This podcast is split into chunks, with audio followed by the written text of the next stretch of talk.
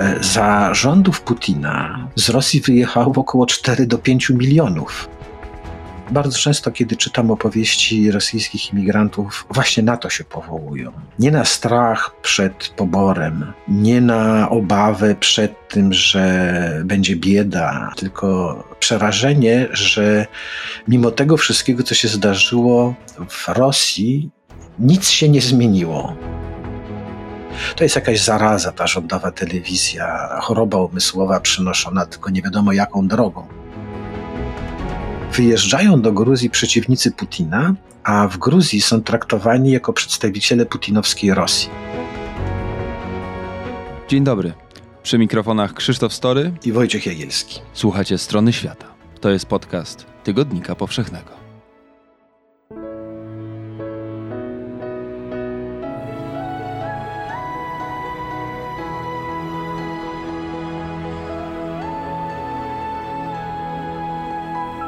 Podcast powszechny. Weź, słuchaj. Mówi się o tym, że nawet ponad 300 tysięcy Rosjan mogło wyjechać z kraju. Mówi się o tym, że to jest największa fala emigracji z Rosji od czasu przejęcia władzy przez bolszewików. No i o tym dzisiaj porozmawiamy. Kim są ci Rosjanie, którzy wyjeżdżają, dlaczego wyjeżdżają, dlaczego mogą wyjechać i dokąd wyjeżdżają. I od tego ostatniego bym zaczął. Dokąd uciekają dzisiaj Rosjanie, którzy nie chcą być w Rosji, nie chcą być w państwie rządzonym przez Władimira Putina? E, wyjeżdżają tam, dokąd mogą i tam, gdzie mają e, ten wyjazd najłatwiejszy.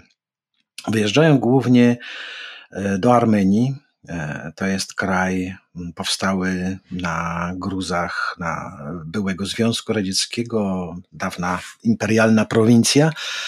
Armenia uważana za odwieczną sojuszniczkę Rosji, za kraj skazany na przymierze z Rosją z powodu nieprzyjaznego sobie sąsiedztwa, bo Armenia graniczy z Turcją i z Azerbejdżanem, a z obydwoma tymi krajami, zwłaszcza z Turcją, Azerowie to są młodsi bracia tureccy.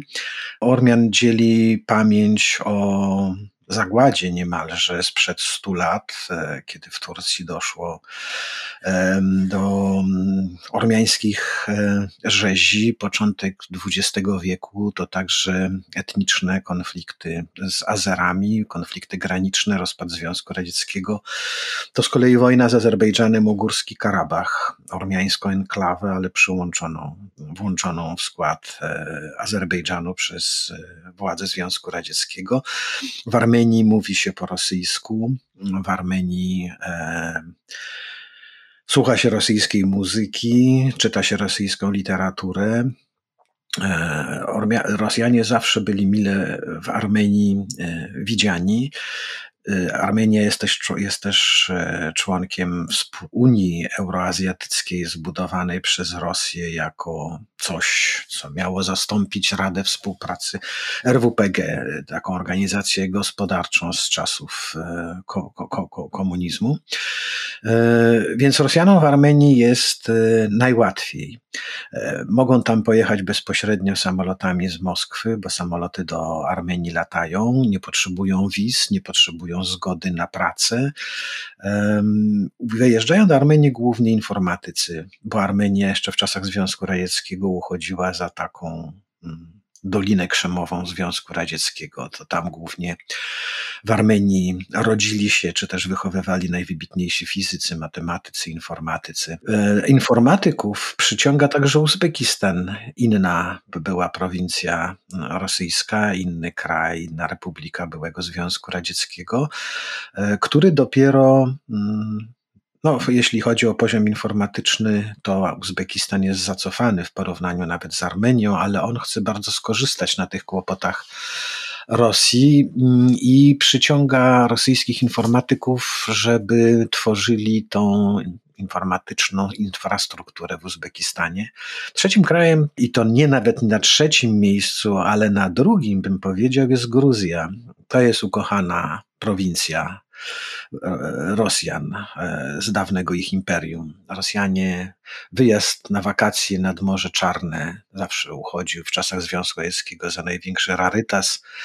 No więc e, Gruzja jeszcze bardziej, nawet bardziej niż Armenia, jest zafascynowana rosyjską kulturą, z wzajemnością zresztą. E, o ile Armenia uchodziła za Dolinę Krzemową, to Gruzja nawet w czasach Imperium Rosyjskiego i w czasach Związku Radzieckiego uchodziła za teatr, operę, Dolinę Sztuki.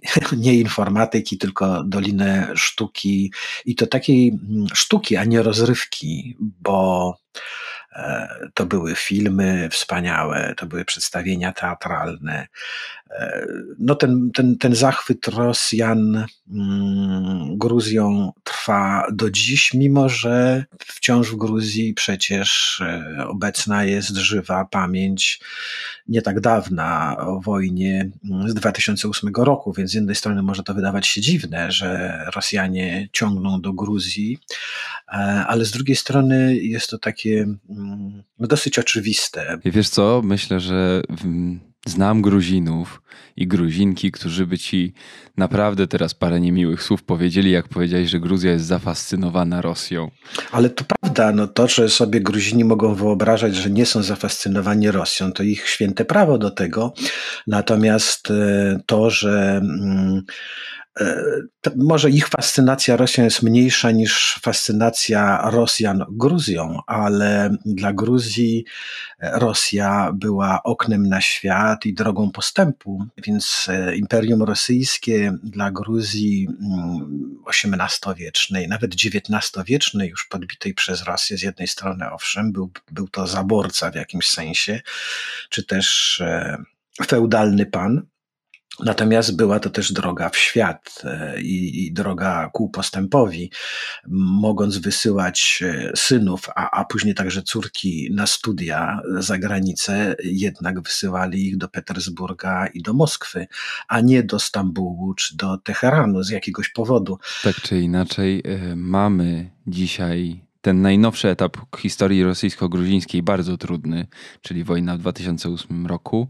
No i teraz, y, według danych y, gruzińskiego Ministerstwa Spraw Wewnętrznych, ponad 30 tysięcy Rosjan, które przyjechało. Większość z nich już Gruzję opuściła, bo zostało około 12-13 tysięcy. Takie są oficjalne szacunki.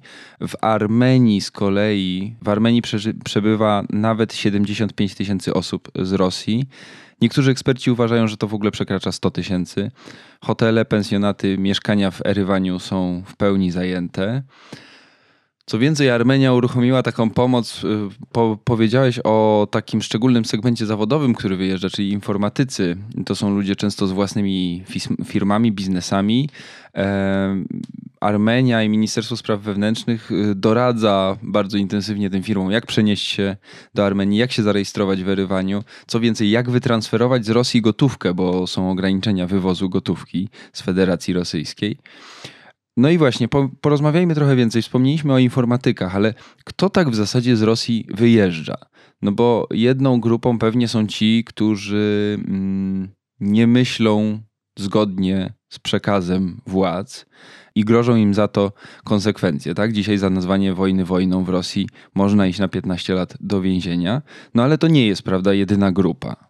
Upraszczając, e, podzieliłbym tą uchodźczą e, armię na dwa takie wielkie e, pododdziały. Jeden to są ludzie, którzy wyjeżdżają, uciekając przed sankcjami, przed trudnościami gospodarczymi, próbując ratować swoje dobre życie, które sobie ułożyli pod rządami Putina, zwłaszcza e, w tej pierwszej dziesięciolatce e, panowania Putina, kiedy Rosja przeżywała, notowała wzrost gospodarczy, bogaciła się, może nie wszyscy Rosjanie, ale przynajmniej ci, którzy zdążyli, którzy uszczknęli tego bogactwa dla siebie. No więc prowadzili życie e, bardzo dobre. Mm, pracowali w zachodnich firmach bardzo często, na bardzo dobrych, wysoko uposażonych etatach i sankcje oznaczają e, no koniec tego dobrego życia e, tego otwarcia na świat, więc oni wyjeżdżają. E, to są głównie ci informatycy, którzy widzą dla siebie szansę na to, żeby ułożyć sobie życie, pracując wciąż w zawodzie, a nie rzadko dla tej samej firmy, dla której pracowali, albo z tymi samymi firmami współpracując, z którymi współpracowali, ale już nie z Moskwy, tylko z Erywania, z Taszkentu, czy też z Tbilisi, czy ze Stambułu. Drugą grupą to są ci, którzy mm, wytrzymać nie mogą tej Rosji putinowskiej. To jest mniejsza, znakomicie mniejsza część tej, tej, tej, tej, tego, e, tej, tej, tej, tej uchodźczej e, Rzeszy. Mm, to są przedstawiciele wolnych zawodów, którzy czasach cenzury no, uprawiać swoich zawodów nie mogą, bo z dziennikarza trzeba się przeistoczyć w pokornego agitatora, propagandystę, mm, a z pisarza, aktora. E, Trzeba sobie założyć kaganiec. Tak jest, to wtedy to już jest występy w kagańcu e, i do melodii zamawianej przez rząd. No więc to są, to są ci ludzie i to ci właśnie ludzie głównie, o ile ci pierwsi informatycy, wyjeżdżają do Armenii na przykład, to ci drudzy wyjeżdżają do Gruzji, bo Gruzja na całym obszarze byłego Związku Radzieckiego, z wyłączeniem państw bałtyckich, jest miejscem, gdzie oddycha się najłatwiej. Te powietrze jest E, nasycone najbardziej wolnością i dlatego Rosjanie wyjeżdżają do Gruzji, mimo że zdają sobie sprawę, że nie ma żadnego powodu, by Gruzini poza miłością do rosyjskiej kultury, e, żeby ich tam e, witali z otwartymi rękoma. Do Gruzji jeździ się bez wiz. Rosjanie mogą przyjeżdżać bez wiz, mimo tak skomplikowanych stosunków między tymi obydwoma państwami, a ten obowiązek wizowy zniósł znienawidzony przez Putina były prezydent gruziński Michail Saakaszwili w 2012 roku. Natomiast w 2019 roku Władimir Putin e, zakazał samolotom rosyjskim latać do Gruzji i gruzińskim do Rosji. W związku z tym dzisiaj ci Rosjanie, którzy chcą wyjechać do, do, do Gruzji, muszą mm, jechać przez e, Armenię na przykład, bo bezpośrednich lotów do Tbilisi nie ma. I ich sytuacja to jest może taka najbardziej niewdzięczna, dlatego że wyjeżdżają do Gruzji przeciwnicy Putina, a w Gruzji są traktowani jako przedstawiciele putinowskiej Rosji. Ta sytuacja ich jest trudniejsza, bo Gruzini obwiniają ich rzeczywiście o drożyznę na rynku mieszkaniowym na przykład, bo ceny mieszkań w Tbilisi czy w Erywanie wzrosły dwu, trzykrotnie właśnie z powodu napływu tych przybyszów z zagranicy, przybyszów znacznie bogatszych niż miejscowi, a rynek mieszkaniowy nie tylko w Tbilisi i nie tylko w Armenii, ale na całym Kaukazie jest, no, bym powiedział, średnio sformalizowany. W związku z tym wyrzucić się z dotychczasowego lokatora z mieszkania mm, jest żaden problem. Natomiast y, po to tylko chociażby, żeby przez trzy miesiące dorobić się na tym e, rosyjskim bogaczu i to zwykle ten bogacz to, to, to w cudzysłowie, to jest raczej e, myślenie wyobrażeniowe takiego gruzińskiego czy ormiańskiego najemcy, ale przez te trzy miesiące zamiast dotychczasowych 200 dolarów przykładowo za mieszkanie będzie zdzierał 700 czy 800 dolarów z tego Rosjanina, oni nie mając innego wyjścia będą płacić. Mówiłeś o tym, tej, tej liczbie łącznej 250-300 tysięcy. No to jest chyba z pierwszych dni, dni wojny. Tak, to jest to, to, to właśnie głównym powodem e, trudności z oszacowaniem e, tej liczby, no jest po pierwsze cenzura rosyjska, bo, bo, bo no jest to państwo, zawsze było policyjne pod rządami Putina, ale teraz jeszcze jest państwo ocenzurowane, w związku z tym informacji stamtąd nie ma, a ruch jest szalenie płynny, bo tak jak mówiłeś, e, przyjeżdża powiedzmy 5 tysięcy w jeden tydzień do Gruzji, ale potem mało kto rejestruje, co się z nimi dalej dzieje, bo oni, część z nich zostaje, część się rozjeżdża, a część wraca, bo spośród tej pierwszej fali najliczniejszej, która wyjeżdżała zaraz po najeździe Rosji na Ukrainę. Sporo osób wróciło do Rosji mm, i też niekoniecznie na stałe, bo wyjeżdżali bardzo często w popłochu, obawiając się, że za chwilkę e, na granicach Rosji spadnie ta żelazna kurtyna nowa i już nie będzie się można z Rosji wydostać. Wiem, że też część mężczyzn uciekała przed poborem do wojska. Tak, druga to była właśnie panika przed e, poborem. No, mamy wiosna. Wiosną w Rosji trwa pobór do służby wojskowej.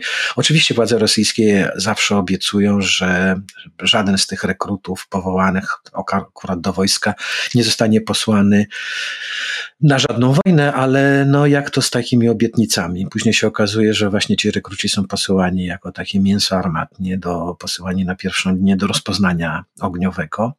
Więc y, młodzi mężczyźni uciekali w panice, żeby do tego wojska nie zostać powołanym. No teraz wracają, bo okazało się, że może ten pobór nie jest aż tak straszny i tak bardzo im nie grozi. Wracają, żeby często zlikwidować pozostałe sprawy sprzedać mieszkania, mm, przenieść się, e, uporządkować sobie życie rodzinne, bo, bo, bo bardzo często te rozstania z rodzinami to nie jest tylko kwestia mm, rozłąki, ale także jakby hmm, mnóstwo jest przypadków, kiedy e, można przeczytać w, w, gazetach, w internecie mnóstwo opowieści Rosjan, którzy wyjechali o tym, jak próbują się kontaktować z rodzinami w kraju i opowiadają o tym, co się dzieje w Ukrainie, a, a, a te rodziny pozostałe w kraju e, oskarżają ich o zdradę, o wiarołomstwo, mm, o kompletną niewiedzę, o kłamstwa. Więc ten obraz e, rzeczywistości w Rosji, w Ukrainie mm, no jest szalenie trudny do. Z perspektywy czysto rosyjskiej, to można by w ogóle zapytać, po co oni wyjeżdżają, skoro żadnej wojny nie ma, tak? Tak, i to jest wiele osób, wielu, wielu tych imigrantów e, to właśnie podaje jako powód wyjazdu. Mm, to, że ta wojna mm, w Ukrainie nie robi na Rosjanach żadnego wrażenia, że mimo bo przecież wiedzą o tym jednak, e, że tak wiele osób daje się omamić rządowej propagandzie, tej demagogii e, sączonej przez podporządkowane władzom media, zwłaszcza rządową telewizję. To jest jakaś zaraza, ta rządowa telewizja, choroba umysłowa przynoszona tylko nie wiadomo jaką drogą no, kropelkową, zdaje się, e, bo to dotyka wszystkich w zasadzie. Każda rządowa telewizja służy temu czy innemu reżimowi, żeby ludziom lasować mózgi, mieszać w głowach, e, wbijać te rządowe prawdy, powołując się oczywiście na najwyższe sprawy, suwerenność i tak dalej, i tak dalej. Bardzo często, bardzo często, kiedy czytam opowieści rosyjskich imigrantów, właśnie na to się powołują.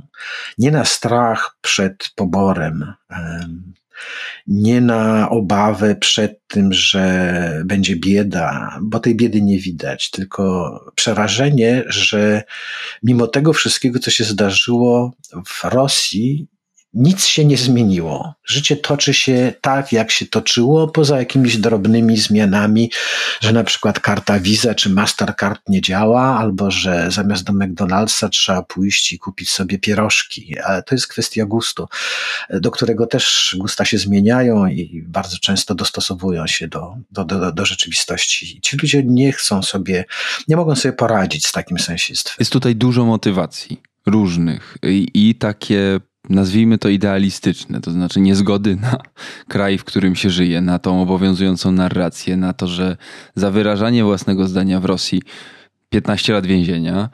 Jest też motywacja ekonomiczna, y, motywacja taka utrzymania pewnego poziomu życia, no bo jeśli mm, oglądając relacje niektórych rosyjskich instagramerek czy instagramerów, y, można mieć wrażenie, że no, jeśli ktoś ucieka z Rosji z tego segmentu, jest taka grupa ludzi, no to dlatego, że nie może dzisiaj kupić iPhone'a, że nie może dzisiaj, ba, nawet nie może wyświetlić strony napisanej czcionką Times New Roman od, od niedawna. Powiedz mi właśnie, bo o, o ten poziom ekonomiczny chciałem zapytać. Bo ja mam takie wrażenie i chciałbym je potwierdzić, że ludzie, którzy wyjeżdżają z Rosji dzisiaj, to są ci, których na ten wyjazd stać. No powiedzmy, może nie bogacze, E, tak jak myślą ludzie, którzy im wynajmują czasami, czy chcieliby myśleć ludzie, którzy im wynajmują mieszkania w Tbilisi. No ale co najmniej dobrze sytuowana klasa średnia. No bo Rosjanie y, w ostatnich latach byli dobrze sytuowanym społeczeństwem, przynajmniej ci Rosjanie wielkomiejscy. I, i, I, większość ludzi, większość Rosjan na takie wyjazdy stać. Pamiętajmy, że y, zgodnie z zarządzeniem y, rosyjskich władz y, można wywieźć z Rosji 10 tysięcy dolarów. E, to nie jest majątek, to nie jest suma, która pozwoli ułożyć życie, pozwoli opłacić lokum, e, w którym można sobie mieszkać. E, ale tak, to, to są ludzie, którzy są przyzwyczajeni do jakiegoś stylu życia i nie chcą się tego stylu życia wyrzec.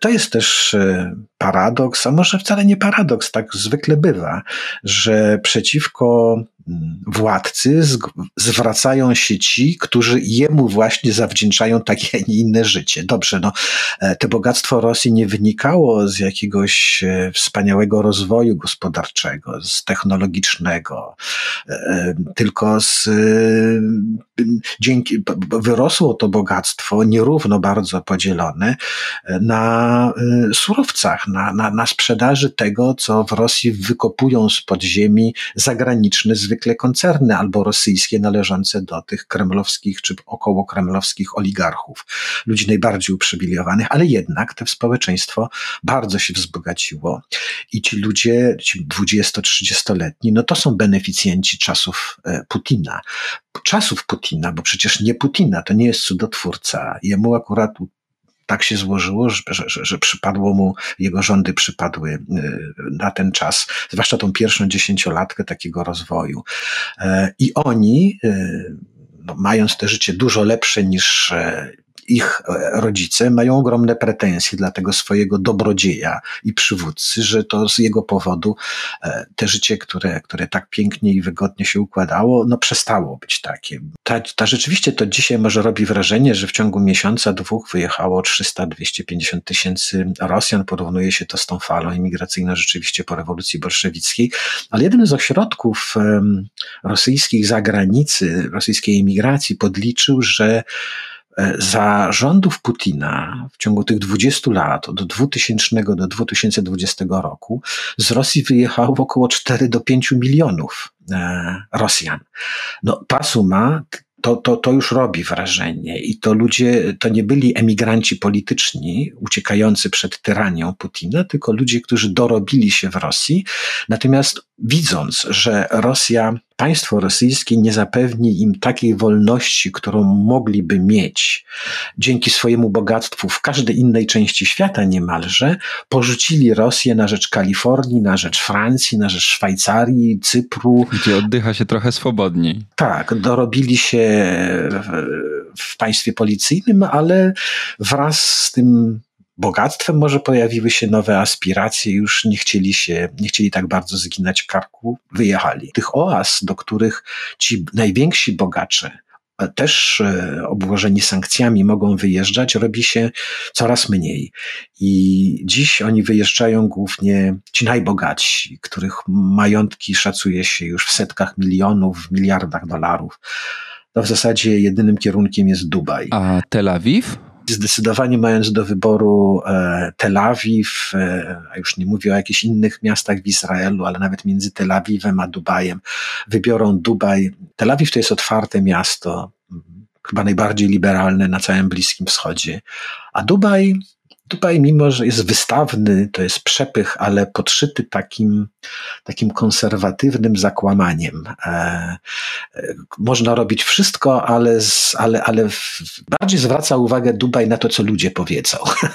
I, i, I myślę, że to, to zwłaszcza dla, dla, dla, dla ludzi, którzy wychowali się w tej naszej, bardziej wschodniej części świata, to ma większe znaczenie i bardziej tam się domowo może będą odnajdywać. Dla tych, którzy chcą w ogóle gdzieś e, być z dala od wszystkiego, pozostają te te super jachty, którymi można pływać dookoła świata, byle tylko znaleźć miejsce, żeby zatankować. Nawet nie trzeba prosić o wizę, bo nawet na środek oceanu catering dowiezie co trzeba e, i, i poczta dostarczy każdy, każdy potrzebną, każdą potrzebną przesyłkę. Wszystko jest kwestią budżetu. Powiem ci, że ja byłem w Dubaju, ja wiem, że najbogatsi ludzie na świecie wybierają to jako jakieś takie swoje miejsce. No mi musieliby y, jako mm, miłośnikowi lasów, łąk, no musieliby mi dopłacać i to nie mało, żebym ja się zgodził mieszkać w Dubaju. Albo ty byś musiał dopłacić, żeby zbudowali ci taką specjalną dzielnicę, gdzie rosłyby y, dęby i buki. To też jest kwestia tylko budżetu. Jeżeli by cię było stać na to,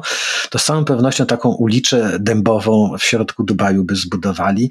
Tylko pamiętam cały czas, jak e, pokłócili się szejkowie między sobą parę lat temu i Saudyjczycy zwłaszcza chcieli popsuć Katarowi organizację Mistrzostw Świata Piłkarskich, które będziemy świętować już niedługo, coraz bliżej e, i otoczyli ten kraj sankcjami, e, więc nie mogąc sprowadzać z Arabii Saudyjskiej mleka, Katar sprowadził sobie krowy i zorganizował im pastwiska na pustyni, klimatyzowane, zraszacze na tyle zrosiły tą pustynię, że wyrosła na niej sztuczna, oczywiście, znaczy sztuczna, sprowadzona z Europy trawa, bo początkowo te, tym krowom sprowadzano także karmę z Europy.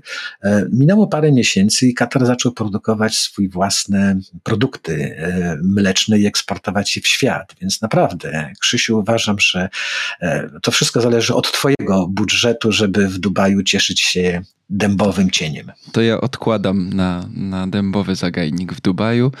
Wiem z komentarzy, że lubicie czasami nasze dygresje, no to to jest chyba najdalsza, mam nadzieję, dygresja tego odcinka. Wracamy do uchodźców z Rosji i do spojrzenia na Rosję z zewnątrz. No bo tak, y, omówiliśmy te naturalne destynacje dla Rosjan. Natomiast y, jest jeszcze mm, takie pragnienie, które większy, wielu Rosjan ma, czyli dostanie się do Europy. No tutaj furtką jedyną chyba, która jest lekko uchylona jest Serbia. I to taka wątpliwa. Nie dołączyła do sankcji, dołączyły, nie dołączyły także Węgry, ale o, jakoś o Rosjanach e, wybierających się tłumnie, mm, żeby żyć w Budapeszcie czy w Belgradzie nie słychać. E, Serbia służy za punkt przesiadkowe może, bo do Serbii można latać, więc Rosjanie latają do Serbii, do Belgradu i stamtąd rozjeżdżają się y, kto może po Europie, ale nie wydaje mi się, żeby, żeby w Europie mm, Serbia miała być miejscem posadniczym. Więc Europa nie jest chyba takim dobrym miejscem. Nie wiem, czy też się dobrze by, by, by czuli w takim środowisku, kiedy no jednak Europa w większości, może z wyłączeniem Węgrów czy tych Serbów, jednak patrzy na Rosję jako państwo, które napadło na sąsiada i zachowuje się w sposób, jaki w Europie nie przyjęto się zachowywać.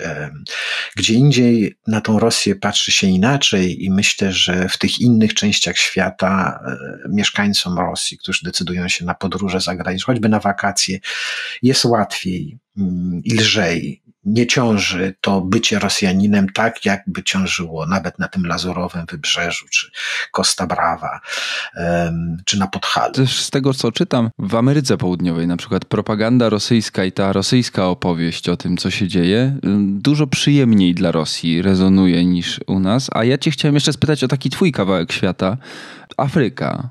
No właśnie, chciałem o tym powiedzieć. Wczoraj dostałem list z mojej, od mojej znajomej z Afryki, z południowej Afryki. Mm, pisaliśmy sobie na Wielkanoc, co u nas słychać, e, więc ja napisałem, co u nas słychać. Ja dostałem list z taką troską, że ta wojna taka, taka straszna, ale w tym liście padło takie słowo, że e, żeby była wojna, potrzebne są obydwie strony, że, że, że dwie strony. No, napisałem, że tak, oczywiście no, musi być ten napadnięty i ten napadający, bo inaczej napadający nie będzie miał na kogo napaść, e, ale tam to działa, tak. E, te argumenty rosyjskie z rozmaitych powodów e, no, najsilniej oddziałującym jest e, ta przeszłość kolonialna. Rosja e, jako dziedziczka Związku Radzieckiego w Afryce postrzegana jest wciąż jako kraj, który pomagał Afryce najpierw się wyzwolić z kolonializmu, a potem stanąć na nogi.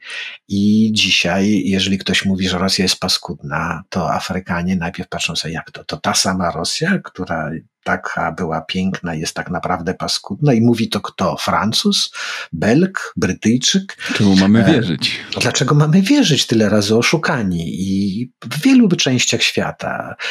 No, jeżeli byśmy popatrzyli na mapę świata czy na globus i zaznaczali miejsca, mm, gdzie Rosja jest traktowana nie tak, jak jest traktowana w zachodniej Europie, to z przykrością byśmy się przekonali, może nie jak wielkiej mniejszości jesteśmy, ale jaki ten świat jest duży i jak bardzo nie jesteśmy jego pępkiem. Wybiegniemy jeszcze na koniec trochę w przyszłość. E, zagadnienie jest oczywiście szerokie, więc skupię się na kraju, który oboje lubimy, czyli na Gruzji.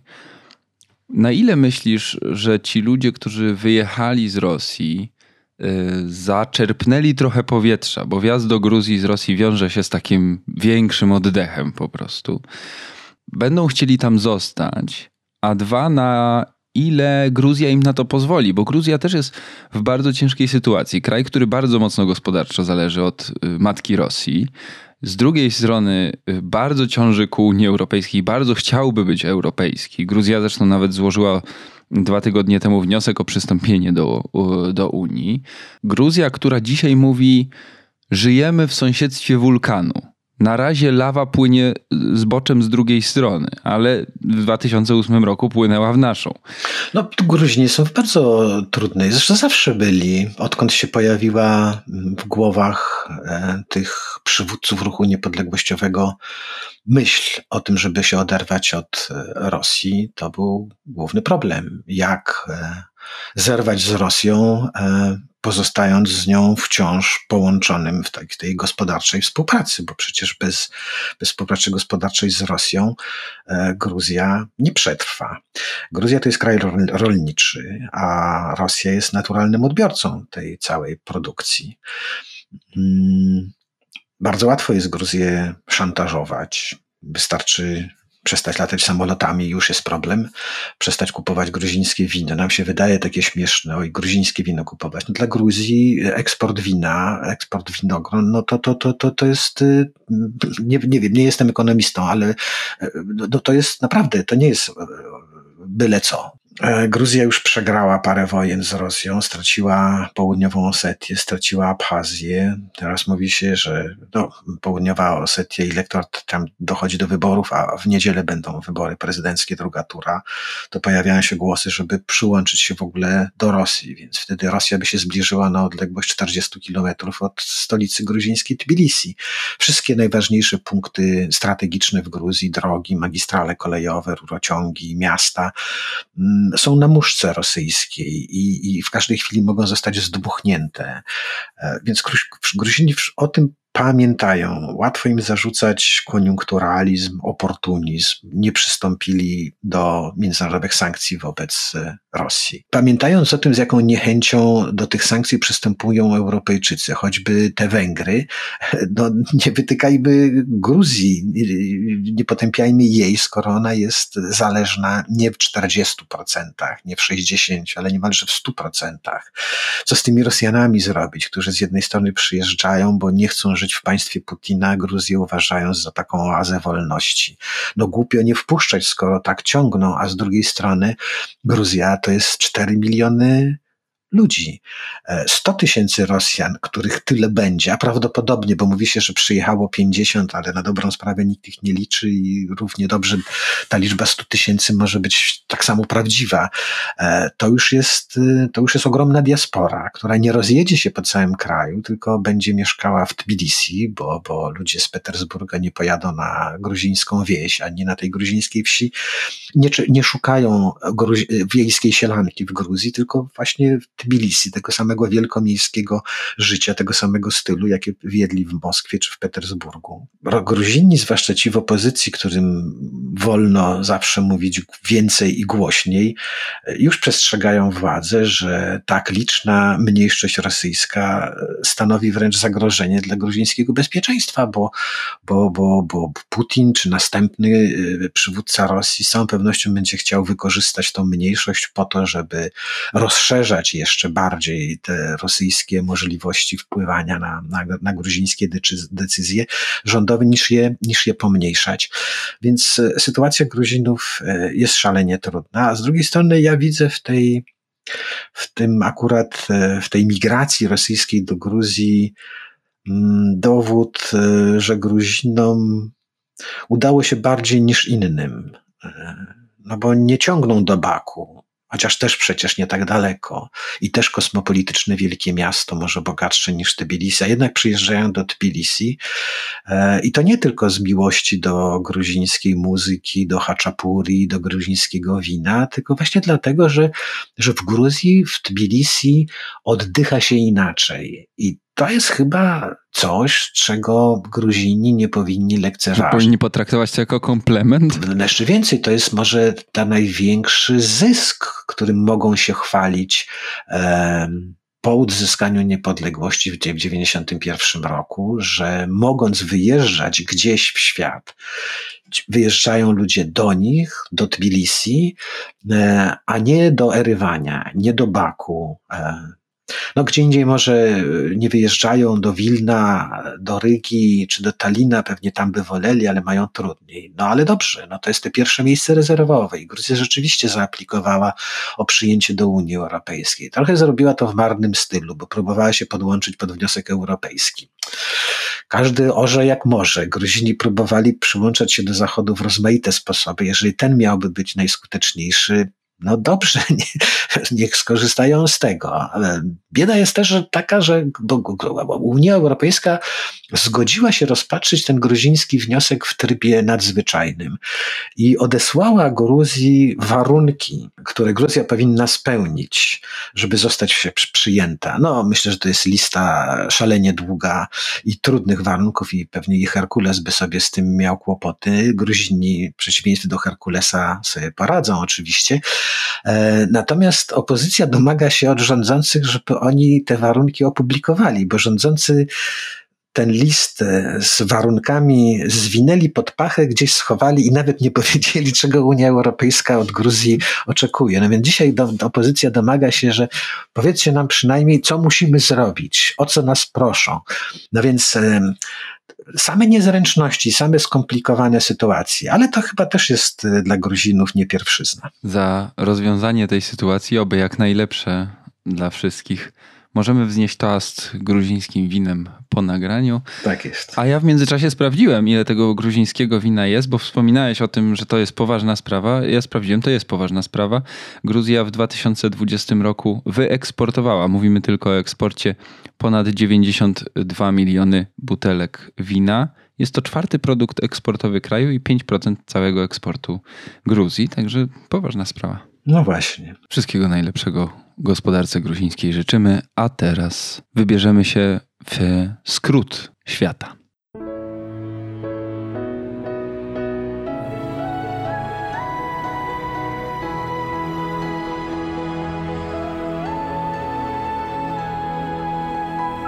Podcast powszechny. Weź, słuchaj. Wojtku, chyba musimy zacząć od y, Pakistanu, bo ostatnio zajawialiśmy, że Imran Khan, y, krykiecista, bożyszcze tłumów, polityk, ma pewne problemy, no i te problemy okazały się dla niego, a przynajmniej dla jego kariery politycznej, naprawdę poważne. No na tyle poważne, że stracił władzę, e, przestał już być premierem, w dodatku odbyło się to bardzo nie po jego myśli, bo on gotów był nawet e, złożyć urząd pod warunkiem, że natychmiast zostanie, zostaną przeprowadzone nowe wybory, które ma nadzieję wygrać. E, no, został zmuszony do innego scenariusza, musiał złożyć władzę, przekazać e, premierostwo przywódcy opozycji i czeka teraz na przedterminowe wybory, które zostaną rozpisane w ciągu roku. No i w dalszym ciągu będzie liczył na to, będzie liczył, liczy na to, że wygraje te wybory i do władzy powróci. Dla Pakistanu to będzie trudny wyjątkowo czas, dlatego że Imran Khan e, oskarżył o wszystkie swoje nieszczęścia Amerykanów, że to oni tak naprawdę doprowadzili do jego dymisji, bo on z kolei niewystarczająco ostro potępił Rosję, w ogóle jej nie potępił, był pierwszym gościem Putina. Przypadkiem to się zdarzyło, ale się zdarzyło. No, grać na takiej amerykańskiej nucie w Pakistanie e, to jest najprostszy sposób e, na przyciągnięcie uwagi, e, na to, żeby jakieś wzmożenie patriotyczne wśród Pakistańczyków osiągnąć. Amerykanów e, nie lubi się w Pakistanie, chociaż to Ameryka jest najważniejszym sojusznikiem Pakistanu, zwłaszcza wojskowym. E, no ale jak to zwykle bywa, e, pakistańska ulica oskarża Amerykanów o wtrącanie się w pakistańskie sprawy, o intrygi, o, o wszystko co paskudne. No więc Imran Khan na tym będzie próbował zbić polityczny kapitał i wygrać te wybory, ale to oznacza demonstracje, przemarsze, jakieś niepokoje, e, duży chaos w Pakistanie, a do tego chaosu jeszcze przyłożą rękę z całą pewnością e, pakistańscy talibowie, którzy bardzo zaaktywizowali się w ostatnich tygodniach i polityczne kłopoty pakistańskiego państwa spróbują na pewno wykorzystać żeby rozpalić tą wojnę na granicy z Afganistanem. Źle dzieje się także w Nepalu, prawda? Na tyle źle, że rząd Nepalu wezwał e, Nepalczyków żyjących poza granicami kraju, żeby pieniądze zarabiane za granicą, a to właśnie choćby na Półwyspie Arabskim czy w Indiach nie trzymali w zagranicznych bankach, tylko przesyłali do banków nepalskich, bo w kraju brakuje dewiz. Wydarzeniem w Azji ciekawym, chociaż kraj maleńki i niewiele znaczący, też w tym tygodniu, w zasadzie dzisiaj. Wczoraj odbyła się druga tura mm, wyborów prezydenckich w Timorze Wschodnim, jednym z najmłodszych państw świata. Wszystko wskazuje na to, że nowym prezydentem kraju zostanie laureat pokojowej Nagrody Nobla José Ramos Horta, który był już prezydentem Timoru. E, pokona w drugiej rundzie w tej dogrywce swojego byłego towarzysza z czasów walki niepodległościowej, a dzisiaj politycznego wroga. Tak to bywa z weteranami wojen wyzwoleńczych i, i, i wolnościowych, że jako przywódcy opozycji okazują się niezłomnymi bohaterami i ludowymi trybunami, a później, kiedy trzeba zająć się pracą urzędniczą, bo taką przecież jest praca prezydenta czy premiera, okazuje się, że nie potrafią temu zadaniu podołać, no ale cóż, to jest dola wszystkich rewolucjonistów i przywódców. A w tej Afryce zanotowałem sobie dwie rzeczy ważne. Jedna to są powodzie apokaliptyczne niemalże, które dotknęły południową Afrykę w czas wielkanocny. Zginęło prawie pół tysiąca ludzi. I te powodzie dotknęły prowincję KwaZulu-Natal, ojczyznę Zulusów. E, to jest kraj bardzo górzysty i ulewne deszcze nie tylko sprawiły, że strumienie górskie czy rzeki wystąpiły z brzegów i pozalewały wioski i osiedla, które ludzie zwykle, zwykli budować właśnie na brzegach tych rzek, no bo tam właśnie ludzie, ludzkie siedliska powstawały, ale spowodowały osunięcie lawiny e, błotne, ziemne i to, to, to w nich e, ludzie tracili życie, a te, te, te, te, te gwałtowne pogody, które nawiedzają Afrykę od paru ładnych lat albo kilkunastu lat, no są tylko tą taką przestrogą kolejną, na którą nie, nie chcemy zwracać uwagę, uwagi, jak bardzo popsuta została ziemia i klimat e, przez ludzi. I dziś powodziom na południe Afryki towarzyszą susze e, w rogu Afryki. I to tak na zmianę, mm, że życie w tej części świata staje się coraz trudniejsze, niemalże nie do zniesienia. I ostatnią sprawą, e, też związaną właśnie z tymi zmianami klimatycznymi, jest e, decyzja rządu brytyjskiego, który postanowił, do, do, do, do, zawarł umowę z Rwandą, maleńkim krajem w Afryce, e, a Rwanda zgodziła się, żeby uchodźców, którzy także z Afryki, mm, wybierają się w tą wędrówkę do Europy, żeby się przedostać do Wielkiej Brytanii, żeby z Wielkiej Brytanii odwozić właśnie do Afryki, do Rwandy i żeby to właśnie w Rwandzie czekali do czasu, kiedy zostanie podjęta w ich, sprawa, w ich sprawie decyzja w Londynie, e, kogo przyjąć, a kogo nie, kto zasługuje na azyl polityczny, a komu on się nie należy. Mm, pieprzu tej sprawie dodaje fakt, że będzie o tym decydowała pani, która dziś jest e, ministrem spraw wewnętrznych Wielkiej Brytanii, a która sama wywędrowała do Wielkiej Brytanii jako uchodźczyni jako dziecko, ale to w latach 70., kiedy z Ugandy Idi Amin wyrzucił e, Hindusów, e, no właśnie pani Pity Patel, e, jej rodzina wyjechała wtedy do Wielkiej Brytanii. No, wywołała ta decyzja brytyjska oburzenie, że to cynizm, że to kupczenie ludzkimi losami, że to tak się nie godzi. Słyszałem frazę najdalszy pushback świata. Tak, tak, tak. A z drugiej strony to przecież dzieje się nie tylko z powodów brytyjskich i nie od wczoraj. Unia Europejska już parę ładnych lat temu ustawiła zasieki na południe od Sahary, e, żeby ci uchodźcy, z którymi Europa miała kłopot, bo przeprawiali się tratwami przez Morze Śródziemne i później trzeba było ich ratować na Lampedusie, czy gdzieś na wybrzeżach hiszpańskich, włoskich czy greckich. Teraz e, wyłapują ich e, libijscy wataszkowie gdzieś na południowych rubieżach Sahary i już ich nie widzimy. To tyle, co wynotowałem sobie jako rzeczy, na które warto warto zwrócić uwagę w tym, tych dwóch tygodniach. Kryzys w Pakistanie, kryzys finansowy i gospodarczy w Nepalu, powodzie i migracje klimatyczne, o których myślę kiedyś zrobimy osobny odcinek, bo zagadnienie jest olbrzymie i będzie nam coraz częściej towarzyszyć. Dziękujemy Wam za wysłuchanie tego odcinka. To już wszystko w tej stronie świata. Słuchaliście podcastu Tygodnika Powszechnego gdzie opowiadamy Wam świat, najważniejsze wydarzenia, przyglądamy się im z bliska. Ja, czyli Krzysztof Story i siedzący przy drugim mikrofonie Wojciech Jagielski. To wszystko y, możemy robić i przedstawiać Wam dzięki Waszemu zaangażowaniu i wsparciu. Także w serwisie Patronite, także dzięki dostępom do serwisu tygodnikpowszechny.pl, który wykupujecie. I bardzo dziękuję za to, że jesteście z nami. Bądźcie dalej, słuchajcie. Z całego serca dziękujemy i do usłyszenia. Do usłyszenia. Jeśli słuchają nas Państwo w Spotify albo w Apple Podcast, zasubskrybujcie nasz kanał. Jesteśmy też w Google Podcast i w aplikacji Lekton oraz na www.tygodnikpowszechny.pl/podcast.